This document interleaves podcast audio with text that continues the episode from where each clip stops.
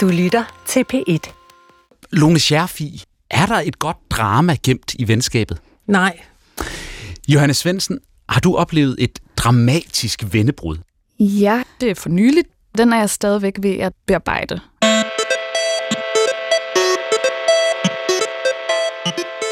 Det er som om kompliceret parforhold, forelskelse, utroskab og brud er en obligatorisk ingrediens i kunsten. Men hvornår bliver venskabet sat under lup? I ved det der gode, gamle, platoniske venskab, der ikke er romantisk eller seksuelt, men som vel er mindst lige så vigtigt. I dag skal vi tale om venskabet på lærredet og i virkeligheden i den her første episode af Anmelderne. Vi er sat i verden for at hjælpe dig med at finde ud af, hvad du skal bruge din tid på at se og høre blandt al den kultur, der er derude at vælge imellem. Hver uge udvælger vi et værk, som vi går på opdagelse i og mener noget om.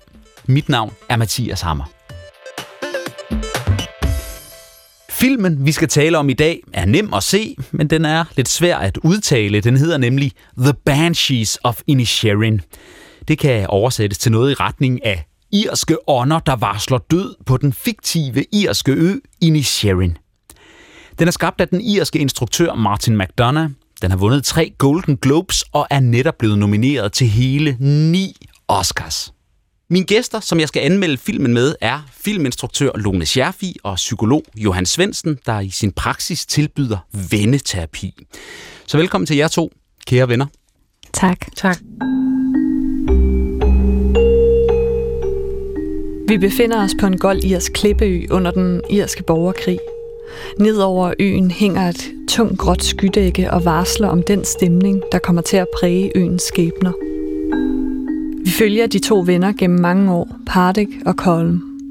Pludselig føler Colm sig færdig med venskabet. Hans ven er blevet for kedelig til ham. Og helt uforstående står Pardik tilbage. If I've done something to you, just tell me what I've done to you. I just don't like you no more. Jeg kan bare ikke lide dig mere, lyder det brutale budskab. Og herfra udvikler det nu tidligere venskab så langsomt til et decideret fjendskab. And each time you bother me, I'll take one of my fingers off with them. Starting from now.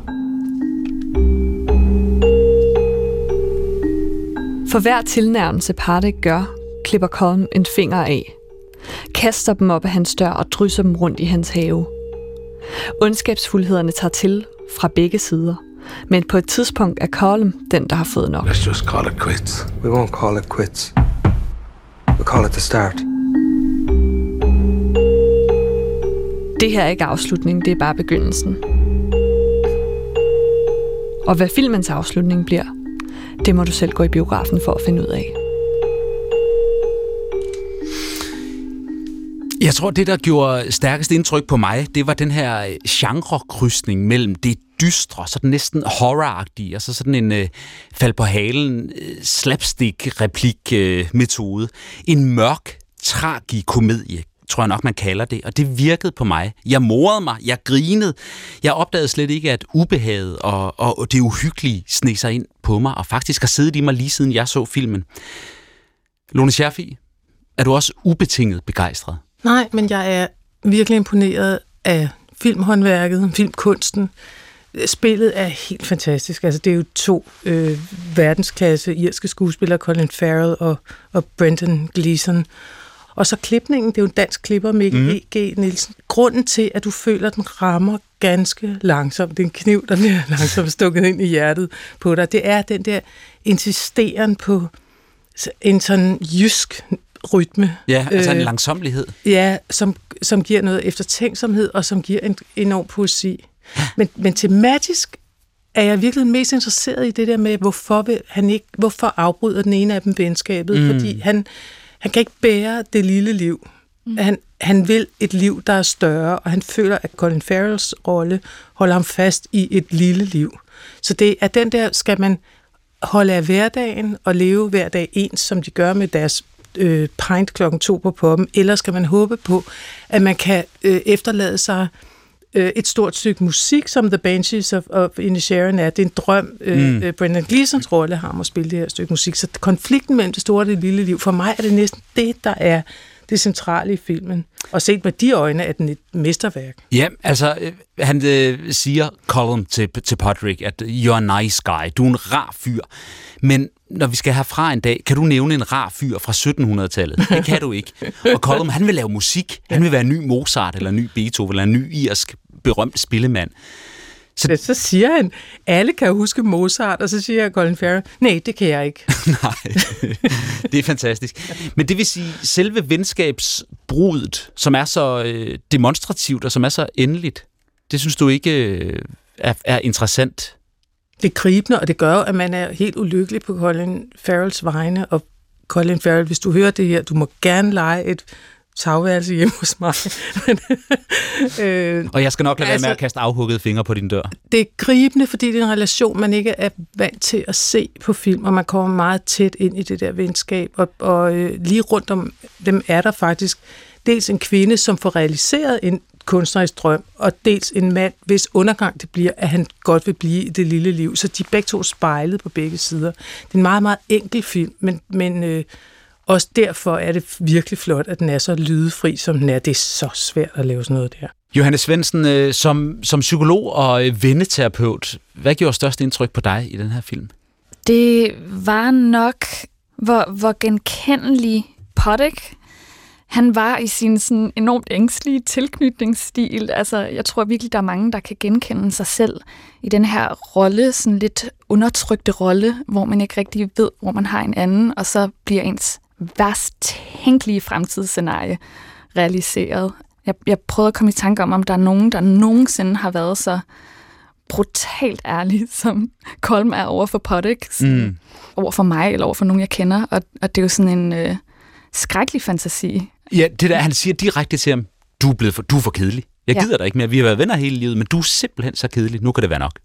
Ja, I don't have space for dullness. Nej. You're dull. ja, fantastisk irske sprog også. Ja. Køber I den? Altså, hvor realistisk eller urealistisk er det her brud? Altså, man køber den, fordi man er inde i sådan et lidt uh, mytisk univers. Altså netop uh, enkelheden, synes jeg, det der med, at han siger, at han vil skære en finger af for hver gang uh, Colin bliver ved med at spørge, skal vi dog ikke være venner? Og det er klart, at, at realismen, film er jo virkelig realistisk i forhold til, hvis det havde været en bog, altså hvis det havde været øh, litteratur. Øh, men ja, man kører den. Altså man er, man, jeg synes, at man er så dybt begravet i den film, så man ikke på noget tidspunkt sidder og kigger på, hvordan har de lavet det med den finger. Mm. Eller. Men altså, der er øh, fra denne her imaginære ø, kan de se over på den irske vestkyst, og over på kysten foregår den irske borgerkrig, og der er en eller anden parallel mellem den borgerkrig og så den lille borgerkrig, der er mellem de to mænd. Den har hele tiden hold i et eller andet realisme. Mm. Jeg har svært ved, jeg, skal, jeg har svært ved at sådan lige få det til at lande, hvordan den parallel egentlig er. Men det er jo kun godt, at en film ikke øh, nødvendigvis hæfter alle enderne og binder sløjfer.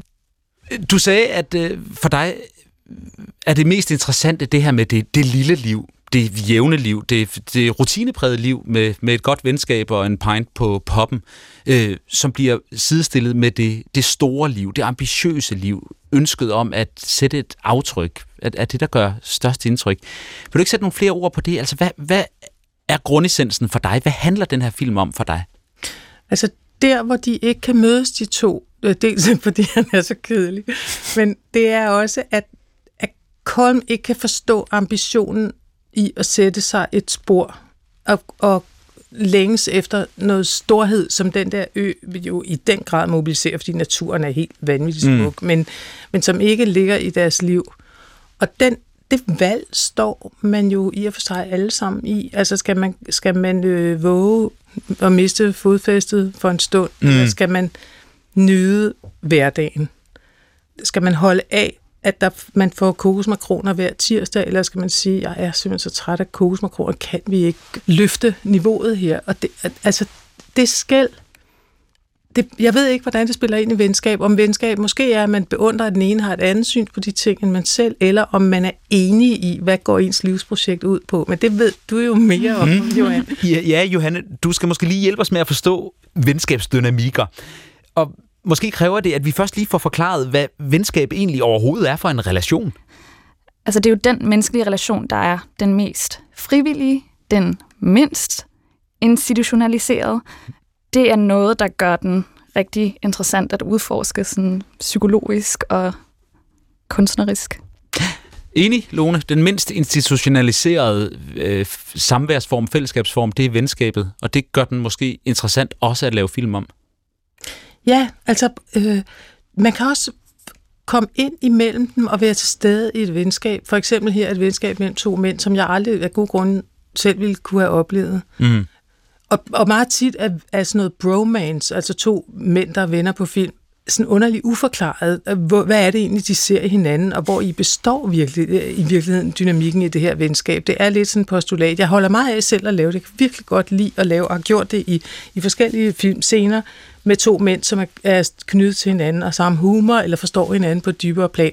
Men jeg har aldrig tænkt over det der med, hvad er det egentlig, hvor, hvad er det egentlig, der er, er øh, benzinen på det her venskab? Og det vil jeg da tænke over fremover når man ser den, begynder man måske at sætte større pris på sit venskab, og også måske gøre sig mere umage med sit venskab. Fordi nogle gange tror jeg, når venskaber går i stykker, så er det måske fordi, at man ikke øh, fornyer dem, og ikke laver ny delt historie, ikke oplever nok mm. sammen, men bare, bare er i venskabet, når man er sammen, men ikke går ud og laver nye landvindinger, om det er en fodboldkamp, man går til, eller en, en samtale, man har, hvor man ikke tager venskabet for givet. Men, men Johanne, altså, det er netop to mænd, endda to midaldrende mænd. Der er masser, eller der er i hvert fald flere venindefilm og øh, venindedramatik.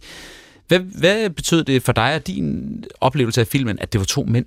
Jeg blev glad for, at det netop ikke var denne her sådan simplificerede forståelse af det mandlige eller det maskuline venskab, fordi at de bliver som Lone også var inde på, ofte portrætteret som sådan lidt overfladisk, og også sådan lidt side om side. Altså, vi, vi laver noget sammen, men det er i langt mindre grad baseret på samtaler og sådan lidt, lidt dybere ritualer, ikke? Øhm, sådan som de kvindelige, feminine venindeskaber ofte er portrætteret. Øhm, ja. Nu vender jeg mig lige mod dig, Lone, fordi hvis vi ser på de her to karakterer, de her to mænd, der repræsenterer henholdsvis det lille liv og det store liv, hvad er så for dig det mest interessante liv set med et øh, filminstruktørblik? Eller er det måske i virkeligheden øh, konflikten, der opstår i mødet mellem de her to forskellige liv? Konflikter i film handler jo meget tit om nogen, der vil noget, og så vil nogle forhindringer, der bliver lagt i vejen for dem. Og og det er mange film jo gjort af. Altså, Who Wants What and Why Can't He, som amerikanerne siger. De film, jeg laver, er ikke helt så plotstyret, men hver gang vil jeg ønske, de var, for det er nemmere. at, altså, det er nemmere at fortælle en enkelt historie som fra A til B, end at gøre de der mere øh, øh, sådan klude tæppeagtige projekter, jeg tit ender med at male mig op i et hjørne med.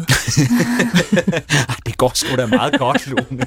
Jamen, altså, jeg ville også, altså hvis jeg havde fået det her manuskript, ville jeg have sagt ja tak lige på stedet. Men altså, han har skrevet det selv. Ja, det ville du. Ja. Hvor, hvorfor?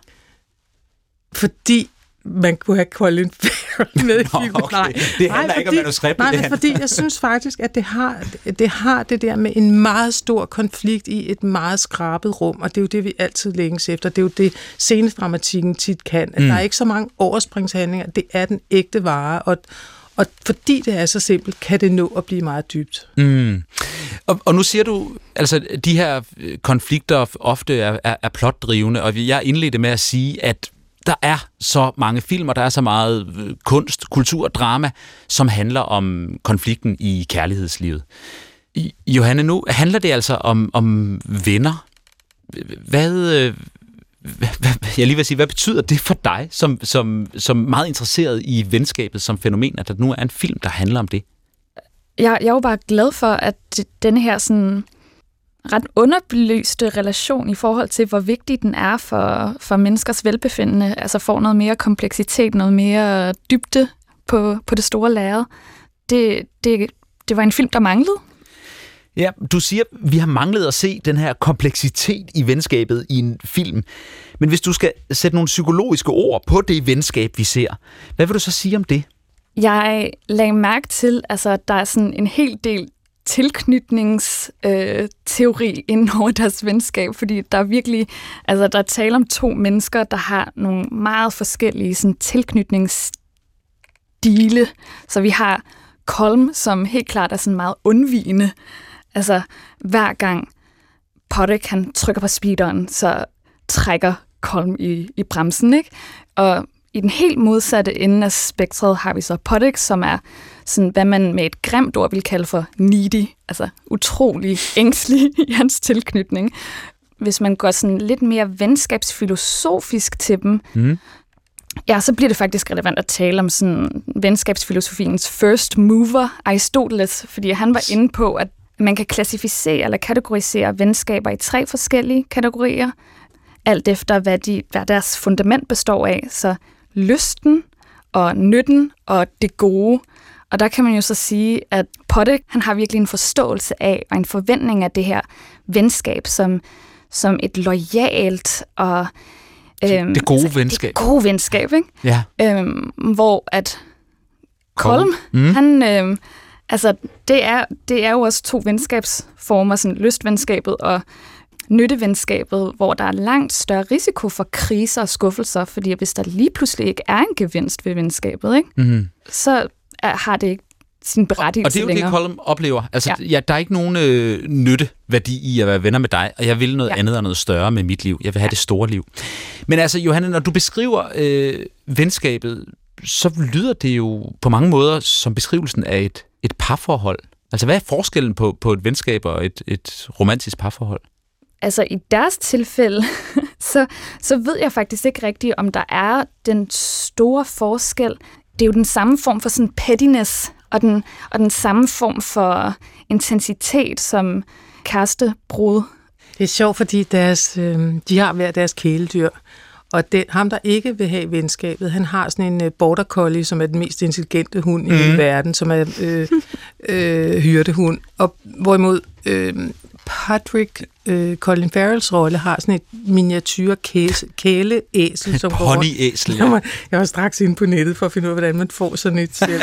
Men det er et, et, et uh, miniatyræsel, som bare er til at klappe. Ja. Altså, og, og på den måde har de sådan hver deres øh, mini-udgave af sig selv gående rundt. Altså den selvstændige jagende, altid på vagt, og så det der lille kælepotte. Lille nutte, ja. Det er han jo også. Han er jo enormt nuttet, han er Patrick enormt. Colin Farrell.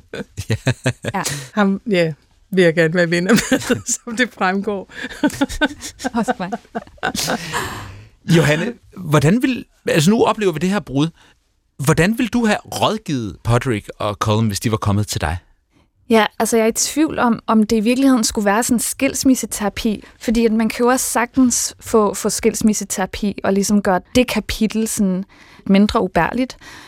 Men øhm, jeg tror, jeg vil prøve at, at udforske deres fælles fortid. Så jeg vil sådan spørge ind til, hvordan de har bidraget til hinandens liv, til deres sådan, identitetsforståelse. Se, om der var sådan nogle historier, der kunne synliggøres og vækkes til live. Ja, og se, om det på nogen som helst måde havde en effekt på, hvordan Kolm han ser på øh, Stakkels Podek. Men jeg er i tvivl om, ja, om den her sådan midtlivskrise, om, om, den er så, om den er så stærk, at... Øh, Ja, der er ikke noget at gøre. Altså, han, ja, virker jo ret, de, han virker ret determineret, Colin. Det må man sige, fordi han begynder også at hugge sine fingre af. Altså, han vil virkelig ikke være venner med Podrick mere. Ja. Men vi ved jo ikke, hvor langt det venskab øh, har varet, men vi har en fornemmelse af, at det har varet mere eller mindre hele livet. Det er mm-hmm. et ret lille ø-samfund, og der er bare de to, og de hænger sammen som, som ærtehalm. Hvad, hvad tror du, de har mødtes over? Altså, hvad, hvad, hvad ligger der i, i venskabsrygsækken her mellem de to?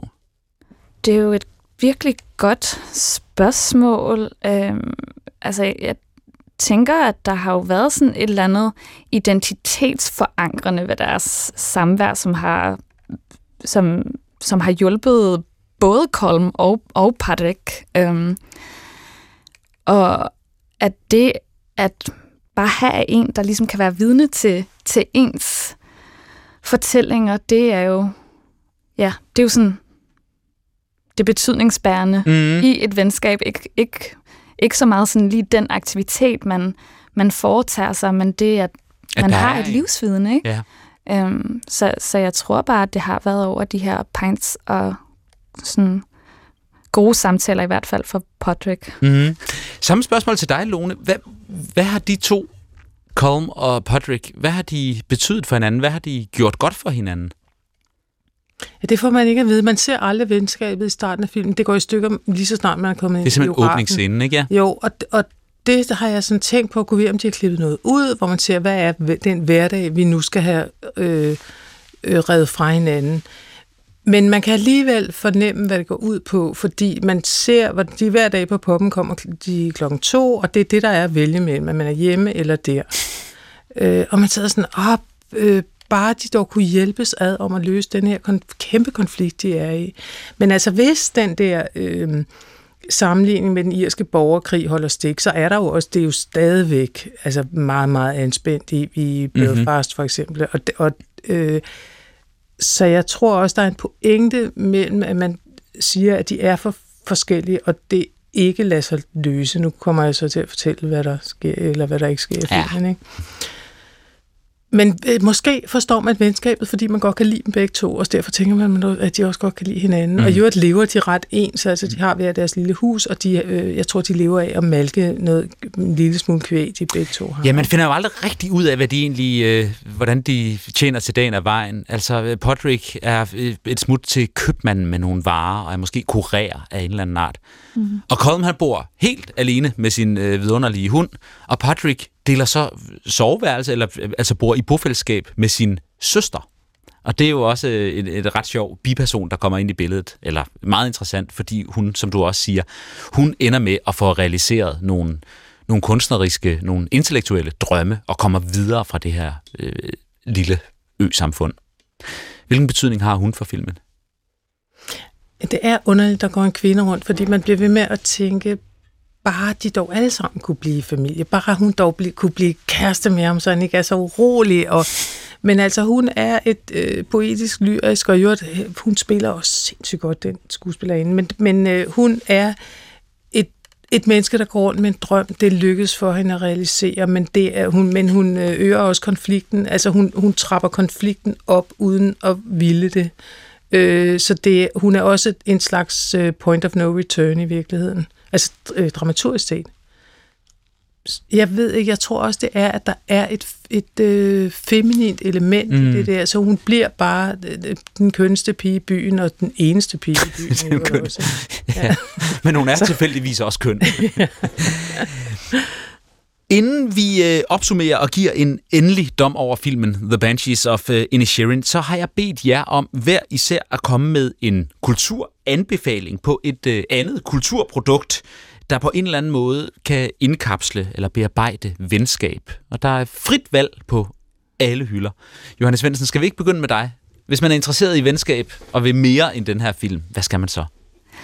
Jamen, jeg har valgt en interviewserie faktisk øh, fra The Atlantic, som hedder The Friendship Files, og det er altså den her journalist, Julie Beck, der har interviewet, eller hun har lavet 100 interviews. Nogle af interviewsene er med et vennepar, andre er med en vennegruppe, og de er så livsbekræftende at læse. Mm-hmm. Ja. Og sig lige igen, hvad hun hedder og hvad det hedder. Julie Beck. Mm-hmm. The Friendship Files, og de kan findes på The Atlantic. Fantastisk. Der er noget at dykke ned i. Og så til dig, Lone Scherfi.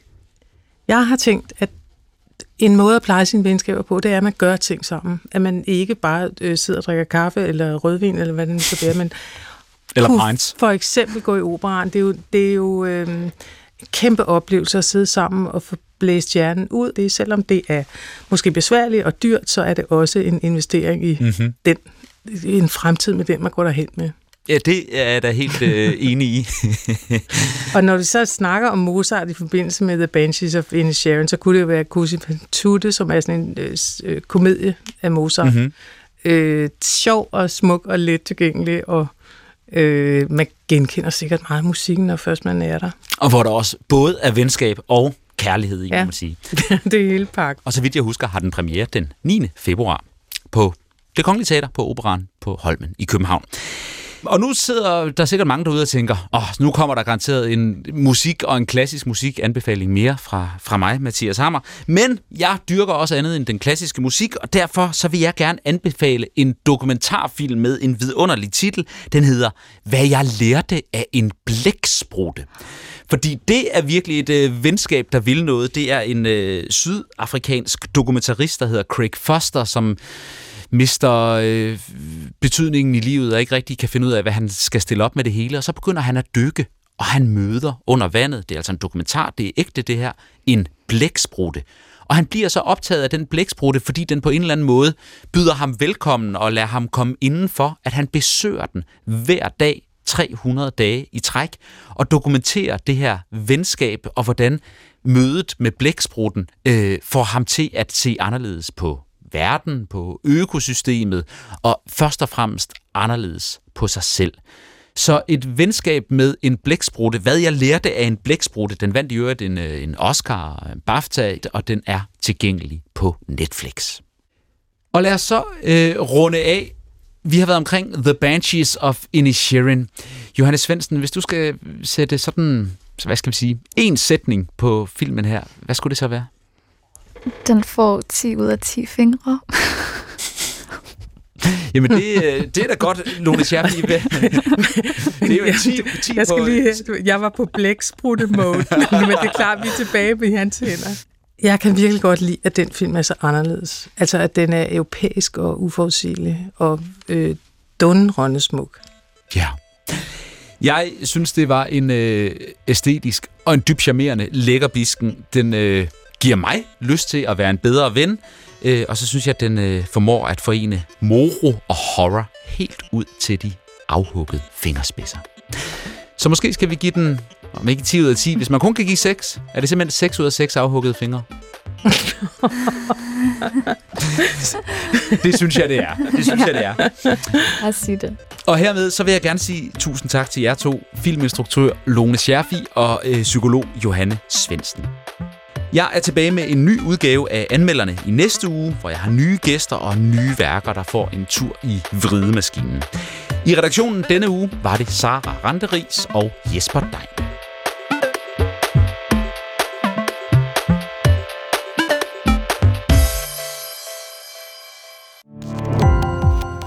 Gå på opdagelse i alle DR's podcast og radioprogrammer. I appen DR Lyd.